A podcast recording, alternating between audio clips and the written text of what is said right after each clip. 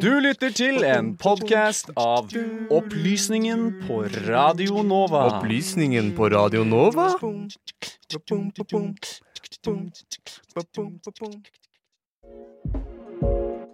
For Trump så har han både vunnet og tapt. What did I think when Maduro took power? Well, he's a clown. Det koster mye å gjøre store endringer. You know, I think if we can't do it in Norway, we can't do it anywhere. Nei, de har jo ikke noen fremtid. De sitter jo bom fast. Du lytter til Radio Novas samfunns- og aktualitetsmagasin Opplysningen. Amerikansk flyktningpolitikk begynner å få konsekvenser. Vi ser mot El Salvador. Valgdrama i Midtøstens nest største land. Hva skjer i Iran? Nye aktører ønsker effektivisering innenfor helsevesenet ved hjelp av teknologi. Vi har snakket med en privat aktør og en forsker. Og vi tar en kjapp titt på fem saker for denne uka.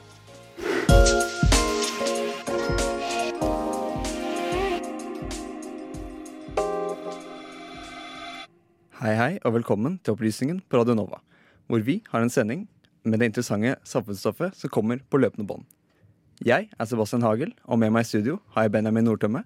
God morgen. I dagens sending skal du få høre om konsekvensene av amerikansk flyktningpolitikk. Vi skal til Iran, hvor det skal være valg snart. Og hvert øyeblikk skal du få høre om hvordan helse helsehjelp over nettet kommer til å fungere. Men før den tid kan jeg minne om at dersom du ønsker å høre oss live, er radionova.no en god ressurs, hvor du kun trenger en internettforbindelse for å høre på, og hvor det til stadighet blir skrevet gode nettsaker for din fornøyelse. Men som nevnt skal vi snakke om helsehjelp over nettet. For i dagens samfunn er mye digitalisert, og helsevesenet er intet unntak. Det er fortsatt mye som må på plass, men det jobbes mot å få til et mer effektivt helsevesen ved hjelp av teknologi. Det har allerede begynt å etablere seg ulike aktører som tilbyr helsetjenester over nett. Det skal gjøre det lettere å oppsøke hjelp, og man skal slippe de lange køene på legekontoret. Men vil denne effektiviteten gå utover kvaliteten, og hvordan fungerer egentlig dette? Vi har intervjuet medisinsk sjef i Kry, Torleif Johansen, og forsker ved Nasjonalt senter for e-helseforskning, Terje Solvold, for å få klare svar. Eh, da, altså, da, har dere altså appen her eh, på telefonen, eh, som et ikon her, og trykker på den. Og så du da, kommer du da til et bilde av en av kollegaene mine som jobber i tjenesten. Medical Supply Norway har tjenesten Kry, som er en digital helsetjeneste som tilbyr videokonsultasjon over nett. For å bruke tjenesten må du ha en app og logge deg inn med bank-ID. Vi snakker med medisinsk sjef Torleif Jansen. Hvem er disse legene som man møter gjennom deres tjeneste? De legene er leger med norsk autorisasjon som har erfaring fra allmennpraksis i Norge. Det er fellesnevneren. For å være lege der må du være sertifisert, og de gjennomgår grundig opplæring. Men hvordan blir forholdet mellom lege og pasient via skjermen og uten det fysiske nærværet? Vi spør pasientene om de er interessert i å gi en tilbakemelding. Og tilbakemeldingene er jo overveldende positive. De opplever at de blir sett. Det er mange som sier 'legen så på meg'. Um, og de får hjelp til problemstillinger, problemer, ja, enkle problemstillinger, men allikevel ting som blir vanskelig i dagliglivet, uh, på en enkel måte. Så, så, det er faktisk eh, stikk motsatt erfaring vi har, basert på tilbakemeldingen fra pasientene våre. Via tjenesten blir man bedt om bilder og tekst for å forklare sine symptomer. Hvordan blir denne informasjonen lagret, og hvordan kan vi vite at den ikke kommer på avveie? De eh, er ikke tilgjengelige for noe annet enn helsepersonellet, eh, de bildene der. Eh, og journalopplysninger de blir ført i en godkjent pasientjournal, elektronisk pasientjournal, som, som er godkjent for bruk i Norge. Beskyttes dataene på noen måte? Altså Lagres de kryptert, eller lagres de i Norge, i utlandet? Ja, altså, eh, dataene fra selve konsultasjonen eh, de ligger jo innenfor Krysys-system og er beskyttes, er kryptert. Vi har en egen datasikkerhetsavdeling som sørger for at, at det lagres etter forskriftene. Eh, pasientjournalen, det, det, det, bruker, de er en norsk pasientjournal så, som, som lagres i Norge. Hva er risikoen for at det kan bli stilt feildiagnoser, da? Fordi det er jo ikke alt man kan se over video. Så jeg bare tenker hvor måte Hvor stor sjanse er det for at det kan skje, da? Vi eh, har utvikla egne retningslinjer, interne retningslinjer, for å skulle eh, sette grenser for, for, legene som jobber i vår tjeneste, for hva man skal håndtere eh, digitalt, heldigitalt og ikke. Og da er det noen saker som vi lett kan håndtere digitalt, og noen saker som vi ikke bør eh, håndtere digitalt. Da er vi tydelige og klare på det overfor de pasientene at eh, her, her, kan ikke vi hjelpe. Nå er det jo slik at eh, risiko for å gjøre feil, det har man i legeyrket uansett, og særlig i allmennpraksis.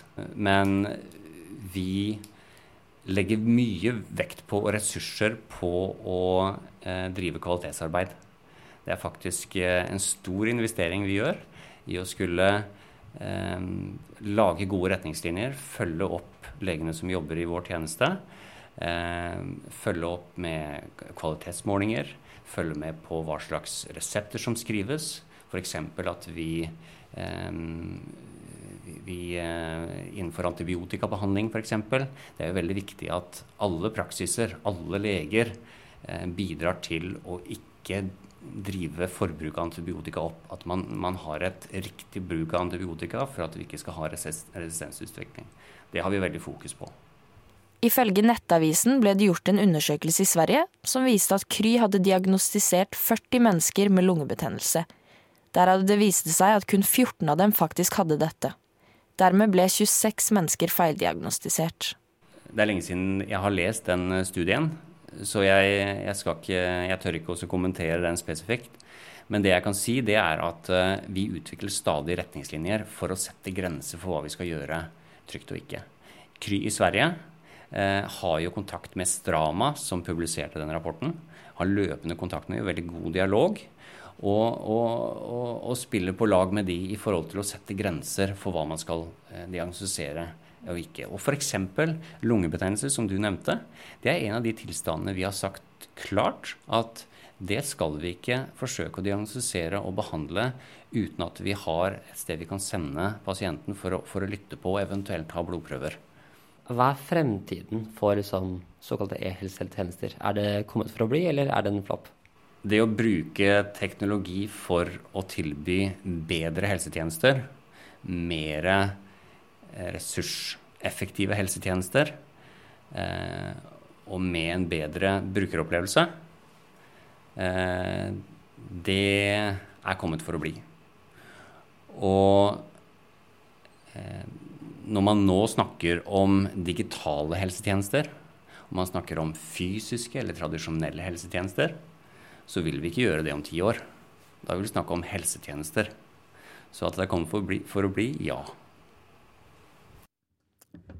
Ja, og det var da intervju med Torkjell eh, Med Torleif Johansen fra Kry. Etter en kort pause skal du få høre det andre intervjuet til reporter i denne saken, som var Maren Dale og Jakob, Ingar Jakob Feiring med, eh, Tor, nei, med Terje Sol Solvold fra Nasjonalt senter for e-helseforskning. Radio Novas samfunns- og aktualitetsmagasin Opplysningen gir deg historiene, sakene og debattene andre overser.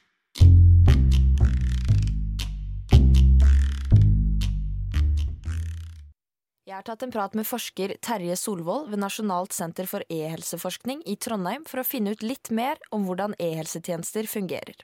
For å gjøre alt klart ba jeg Terje forklare hva Nasjonalt senter for e-helse faktisk er, og hva de gjør. Ja, eh, vi er jo Nasjonalt senter for e-helseforskning. Vi, eh, si, vi, eh, vi ble oppretta i 1.1.2016. Eh, Så vi gjør forskning på alt som har, har med e-helse og telemedisin og tjenester på nett. og ja, Vi kombinerer jo litt det her med teknologi og, og helsetjenester, da, som er på en måte grunnlaget vårt. Alt som har med helsetjenester der du bruker teknologi for å bringe helsetjenesten nærmere, nærmere pasienten, da, for å si det sånn. Helse-Norge fremmer en felles plattform, der man kan bestille time på nett, ha pasientjournal, og det skal være lett for deg å selv ha styr på din egen helse. Men med alle disse opplysningene lagret på nett, hvordan kan man være sikker på at disse er i trygge hender? Dette er hva Terje hadde å si om det. Nå jobber ikke jeg spesifikt med Helseplattformen, og den er jo i hovedsak i Helse Midt per i dag. da. Men tanken er jo at det skal bli en, nasjonal ting, da. I forhold til lagring av data når det er det offentlige som står bak, så er det jo en del regler og lover som, som tilsier det at de dataene dine som blir lagra på nett, blir jo egentlig ikke lagra på nett i den forstand som hvis man tenker Google og, og Microsoft og, og, den veien der, da, så er jo dette sikra data, det er kryptert data. Eh, tanken er jo det at du skal ha tilgang til dine data uansett hvordan helsetjeneste du oppsøker innenfor det offentlige, i hvert fall. De fleste aktørene som har disse tjenestene til nå, er private. Og Terje sier da at disse egentlig ikke skal ha tilgang på dine journaler, med mindre de trenger journalene etter du har blitt henvist dit av det offentlige. Det som ofte benyttes når det kommer til legekonsultasjon på nett, er videokonsultasjoner. Her skal i utgangspunktet alt som er urelevant klippes vekk, men kan man være sikker på det? Ifølge Terje kan man ikke være sikker, men dersom man ønsker svar, kan man kreve å få innsyn i egen journal. Han tilfører også dette angående videokonsultasjoner. Altså, du vil jo få tid til, til å rekke over flere pasienter, eh, i hovedsak. Det kan hende at du har bare et enkelt spørsmål til legen, og du slipper å, å, å dra inn til legen for å, for å, få en undersøkelse. Eh, du slipper å ha time, på samme måte som tradisjonell time der du, du møter legen face to face. da. Sånn at på enkle konsultasjoner så kan du, så kan du spare tid, både fra pasientsida og legesida. Du har kanskje et utbrudd eh, når du bestiller time, men når du får timen, så er kanskje utbruddet over. Samt også det at uh, pasienten kunne da eventuelt slippe å reise fra eventuelt Svalbard til Tromsø for å gjøre en undersøkelse for å få beskjed om at nei, bare smør med denne salva, så, så vil det rette seg. Sånn at det, handler om effektivitet og, og, det å plage pasienten mindre og bringe, bringe tjenesten nærmere pasienten, rett og slett. Man er avhengig av, uh, av den face-to-face-kontakten også. Uh, og det er klart, du kan ikke gjøre alle, alle undersøkelser via video. Eh, du må ha eh, kontakt, altså fysisk kontakt på en del undersøkelser som skal gjøres. da. Så Derfor mener han at en vanlig legekonsultasjon ikke kan erstattes med videokonsultasjon. Og dette utdyper han her. Derimot er han positiv til bruken av videokonsultasjon som oppfølging etter vanlig legebesøk. Jeg lurte litt på hvorfor det er flere private aktører som har disse tjenestene, og hvor sikre de er, og det fikk jeg svar på.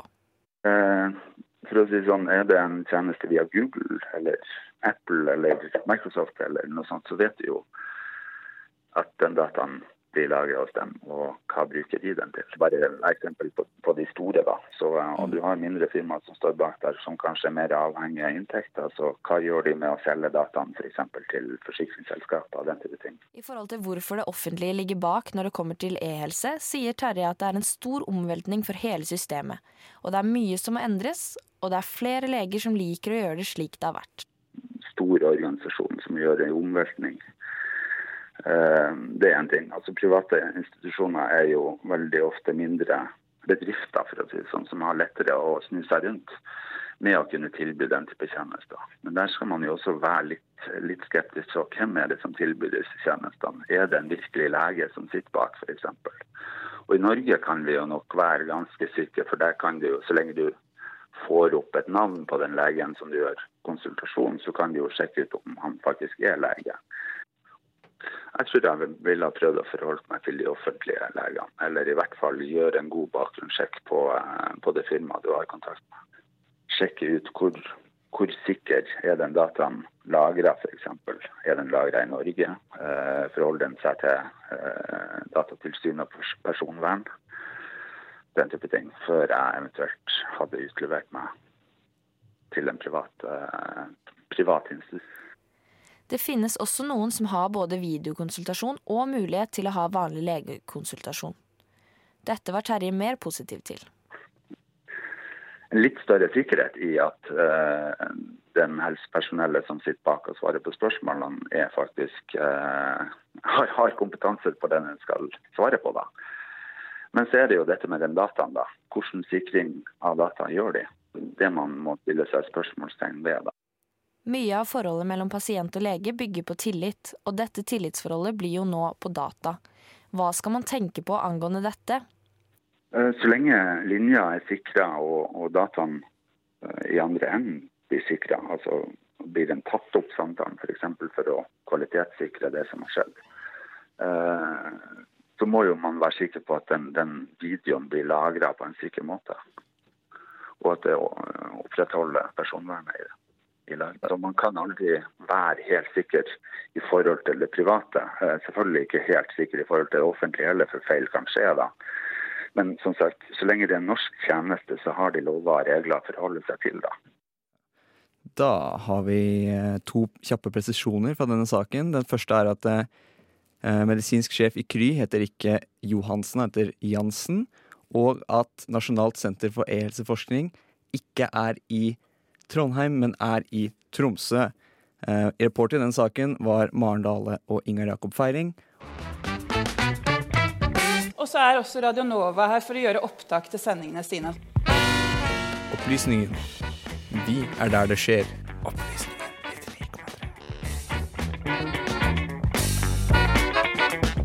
Ja, Benjamin. I disse dager så snakkes det jo mye om amerikanske valg. Men det er jo ikke til å stikke under en stol at Donald Trump har sittet i en hel periode nå, og vi begynner å se konsekvenser av politikken han driver med. Ja, Det har siden 2016, da Donald Trump annonserte sitt eh, kandidatur, vært voldsomt mye snakk om flyktninger og asylsøkere fra Mexico og andre steder i Sør- og Sentral-Amerika. Mens det har vært mye snakk om organisasjonen ICE og disse flyktningenes behandling på amerikansk side av grensen, er det lite snakk om de som ga opp flukten, eller ble sendt hjem med makt. I denne saken brukes El Salvador som eksempel på hva disse flyktningene blir sendt tilbake til. Hva gjør man når stedet man flykter til, ikke ønsker deg? Drar man hjem da til det man flykter fra, eller blir man sittende og vente? Dette er dilemmaet som plager flyktningene som søker asyl til Trumps Amerika.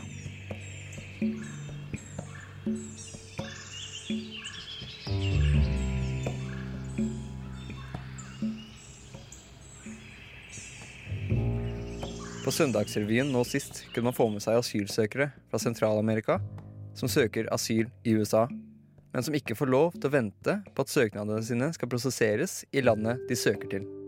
De må vente i Mexico under dårlige forhold preget av usikkerhet, kriminalitet og kidnappinger. Internasjonal lov tilsier at man ikke har lov til å sende flyktninger tilbake til sitt hjemland dersom det er risiko for forfølgelse der. I 1951 ble prinsippet, omtalt på engelsk som non-refoulement, stadfestet i flyktningkonvensjonen som en menneskerett. Altså er det et brudd på menneskerettighetene å ikke huse asylsøkere dersom de er i fare i hjemlandet sitt. På søndag viste NRK oss de som ikke ønsket å leve under dårlige forhold eller dø i Mexico, og dermed dro hjem igjen til hjemlandene sine. Vi begynner å se eksempler på hvorfor disse prinsippene har blitt innlemmet i internasjonal lov. En fersk rapport fra Human Rights Watch som ser på tall fra 2013 til 2019, forteller at så mange som 138 flyktninger og asylsøkere sendt fra USA tilbake til El Salvador har blitt tatt livet av, imens 70 andre har blitt banket opp, seksuelt utnyttet, presset for penger eller torturert. El Salvador er landet i verden med høyest drapsrate, med 61 drap årlig per 100 000 folk. De har en sammenlignbar befolkningsmengde med Norge, med 5,7 millioner. Men her til lands har vi ca. 0,5 drap per 100 000 mennesker. El Salvador er for øyeblikket gjenstand for en voldsom gjengkrig som når voldsnivåer lignende borgerkrigen de hadde i den siste halvdelen av 1900-tallet. The Guardian rapporterer at det er noe sånt som 60 000 gjengmedlemmer i landet som gjennomfører drap, voldtekter og annen vold. De kan også rapportere om at myndighetene i landet ikke er snaue med å utøve vold, og et intervjuobjekt The Guardian snakket med, skal ha sagt I tell you sincerely, we fear the soldiers more than we feared the gangsters. Hvor tallenes tale er at myndighetene tok livet av 693 påståtte gjengmedlemmer i 2015 og 2016. Dette ble vist i politidokumenter den spanskspråklige gravepublikasjonen El Faro har funnet, videreformidlet på engelsk i The Guardian. Alt dette danner et bilde av et land det verken er trygt å bo i eller returnere til. Human Rights Watch skriver In many cases, the United States is putting Salvadorans in harm's way in circumstances where it knows or should know that harm is likely. Og Salvadoran deportees from specific neighborhoods or those who lived in the United States for some time face additional heightened and unique risks. Det er en forståelig exodus som finner sted i El Salvador. Landet oppkalt etter frelseren. Men frelse later ikke til at disse menneskene finner nordover i De forente stater under den nåværende administrasjonen, så fremt deres politiske overbevisning ikke endres før Det hvite hus får en ny beboer.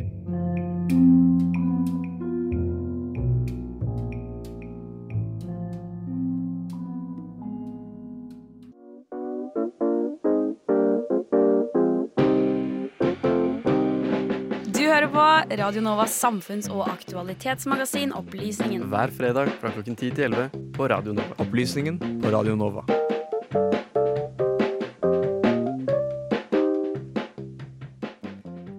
Ja, Iran er et land vi hører om i media stadig vekk. Mange nordmenn har nok et forhold til Iran, men vi vet vi egentlig så mye som vi tror. Dette er et land med 83 millioner innbyggere, der protester og misnøye har ulmet i mange måneder. Kaos og usikkerhet er nøkkelord foran fredagens valgrunde. Hva foregår egentlig i dette merkelige landet? Kan Iran blusse opp? Vi skal ta en nærmere titt.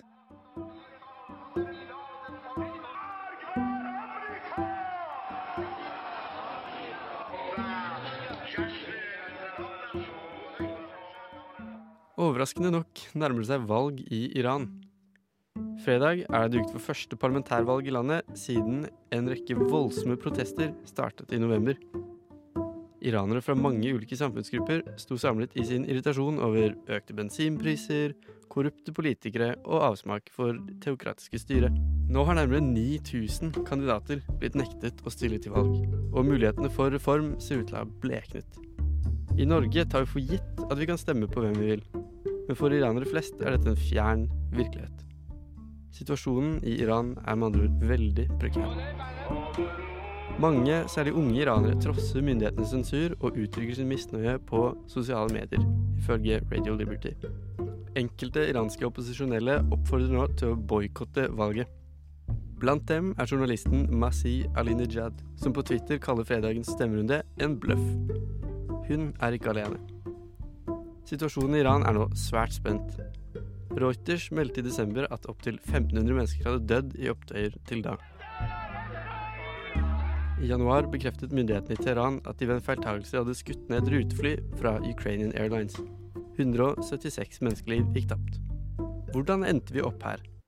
Det er ikke lett å finne gode nyheter fra Iran om dagen. Trump I will, I will hands,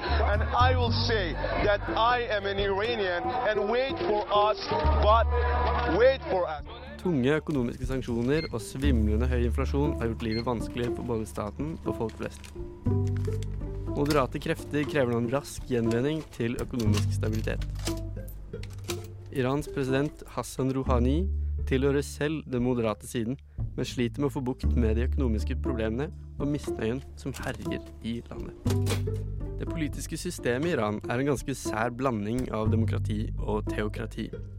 Man har valg, men det er et selektivt råd av prester som bestemmer hvem man kan stemme på. Man har en president, men han handler ikke alene. Alle politiske spørsmål i Iran har en religiøs dimensjon, og på toppen sitter ayatollahen. Slik har det vært siden 1979. Regimet i Teheran sliter med å opprettholde legitimitet. Over nyttår ble Irans mest populære general drept i et amerikansk droneangrep. Soleimanis død var et enormt nederlag for iranske myndigheter, men det så tilsynelatende ut til å kunne samle et splittet land bak en sterk figur.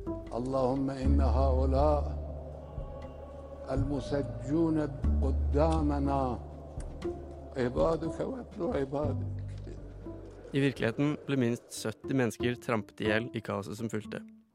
Nok en tragedie i en lang rekke av dårlige nyheter. Hva skal til for at situasjonen blir bedre? Det kan se ut som Iran er i fritt fall, Valget på fredag blir en stor prøvelse for regimet. Om ikke annet kan vi håpe at volden som har preget landet tar slutt, og at partene møtes til konstruktiv dialog for å ta Iran fremover. Boikott eller ei, en yngre generasjon iranere vil trolig få større innflytelse i tiden som kommer. Lyden i denne reportasjen kommer fra Fars News.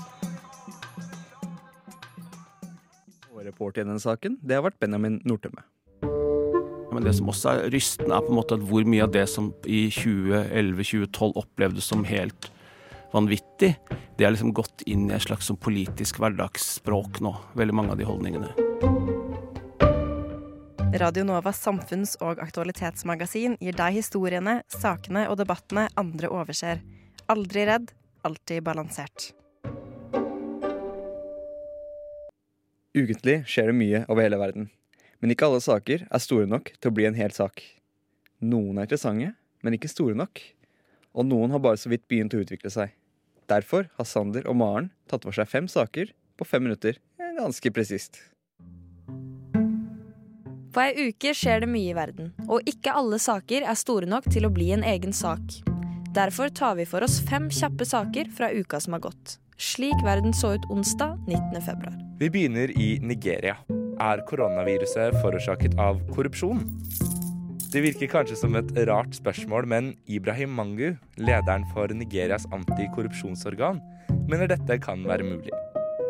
I en tale onsdag morgen norsk tid hevdet lederen for det nigerianske EFCC, Economic and Financial Crimes Commission, at korrupsjonen er et av de største problemene verden har i dag.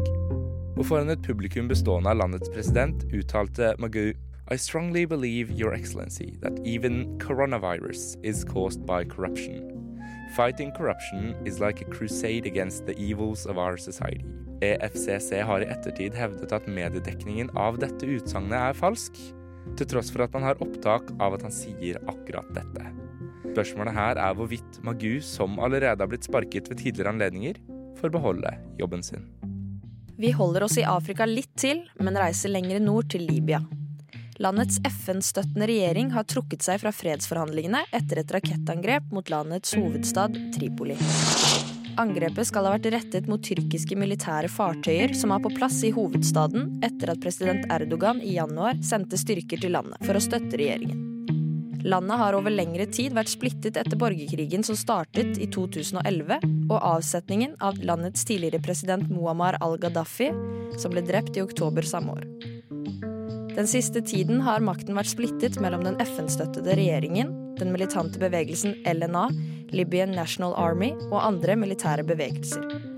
Trolig er det LNA, ledet av general Khalifa Haftar, som står bak angrepet. General Haftar var en del av kuppet som i 1969 hjalp Gaddafi til makten, men hjalp i ettertid til med å kaste den tidligere presidenten. Urolighetene fortsetter i landet, som nå går inn i det sjette året med borgerkrigen omtalt som den andre libyske borgerkrig. Fra Libya reiser vi enda lenger nordøst til Tyrkia. Landets president Erdogan har truet syriske regjeringsstyrker og uttalt at det kun er snakk om tid før de setter i gang et angrep mot regjeringsstyrkene dersom de ikke avslutter sine offensiver mot det opposisjonskontrollerte området Idlib.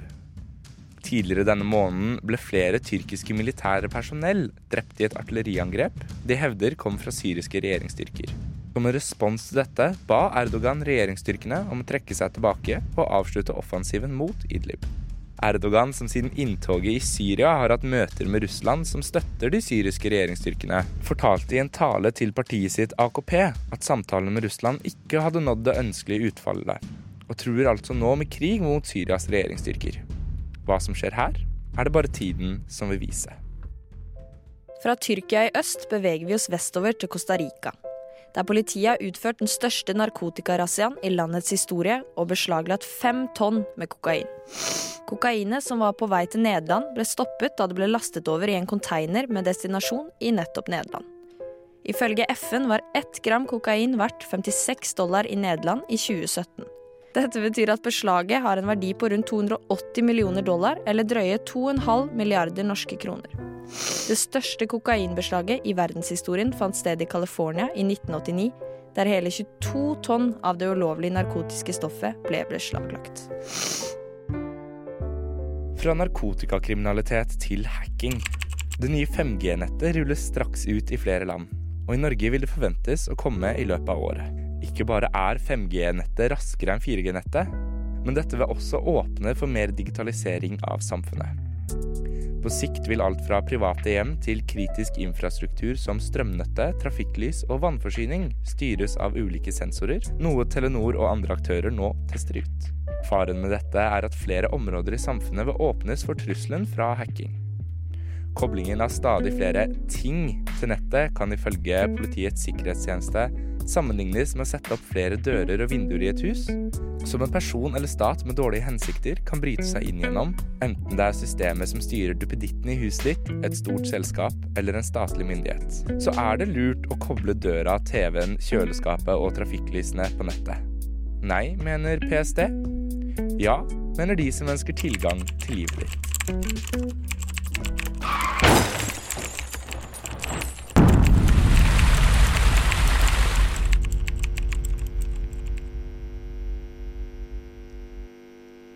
Hører på Opplysningen. Opplysningen. Opplysningen. Opplysningen. Opplysningen Opplysningen. Hver fredag mellom klokken 10 og 11. På Radio Nova.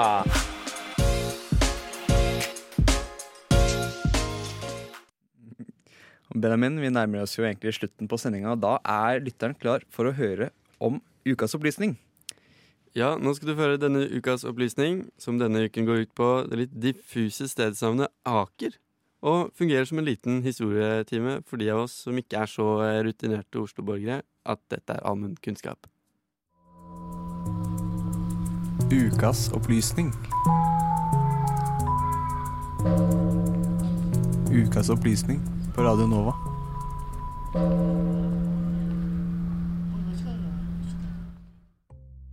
Aker. Enten det er bedriftsnavnet, eller stedsnavnet, eller noe annet, så er det noe jeg ikke helt vet hvor kommer fra. Men som alle andre Oslo-borgere er det noe jeg ser hele tiden. Det virker som at alt i Oslo har en slags kobling til dette navnet. Samtidig fantes jo det nå nedlagte fylket Akershus, som ikke var mindre forvirra. Nærmest alt i Oslo har noe med Aker å gjøre, og alt rundt Oslo het Akershus.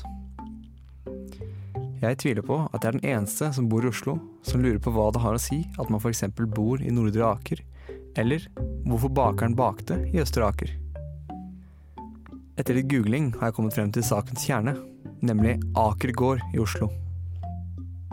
Gårdsnavnet kommer fra det norrøne ordet for åker, som angivelig var det originale navnet på gården. Åker, gård, smør og flesk, altså. Og det er angivelig dette gårdsnavnet som er opphavet til Akersnavnet slik vi kjenner det i dag. Herfra skal gården ha et navn til Akerselva, Akershus via Akershus festning, siden hus på gammelnorsk betyr borg, samt Aker prestegjeldere, og derav Gamle Aker kirke, Vestre Aker kirke og Østre Aker kirke, som fremdeles eksisterer i Oslo i dag. Borgen sentralt i Oslo, som vi i dag kjenner som Akershus slott og festning, har gitt navn til den administrative avdelingen rundt Oslo, enten det er lenet, amtet eller fylket Akershus, som det har hett opp igjennom. Når trallen går og vi hører om bakeren i Østre Aker, så er det ikke så lett å vite nøyaktig hvor det er. For Østre Aker kirke ligger nemlig ved Ulven og hovedbyen øst i Oslo, og det finnes også steds- og bedriftsnavn helt ut i Grorud i øst og Manglerud i sør, som kaller seg for Østre Aker. Man kan også finne administrasjons- og bedriftsnavn som bærer Vestre Aker, så sentralt som Ullevål og så langt vest som Røa. Vestre Aker er altså en offisiell administrasjonsavdeling i Oslo kommune, og strekker seg fra Frøen, som er relativt sentralt, ut helt vest til Røa, samt med og forbi Holmenkollen.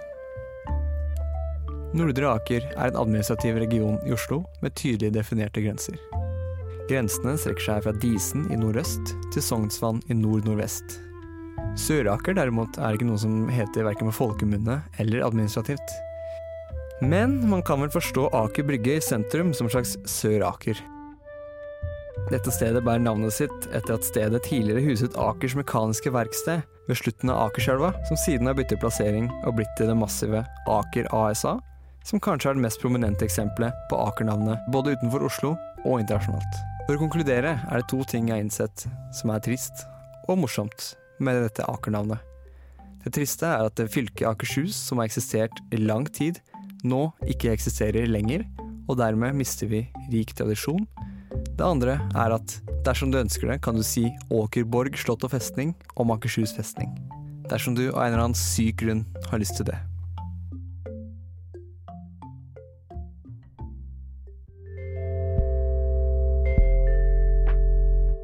Teknologi og digitalisering gjør at det vi ikke fikk til for noen år siden, det er mulig nå.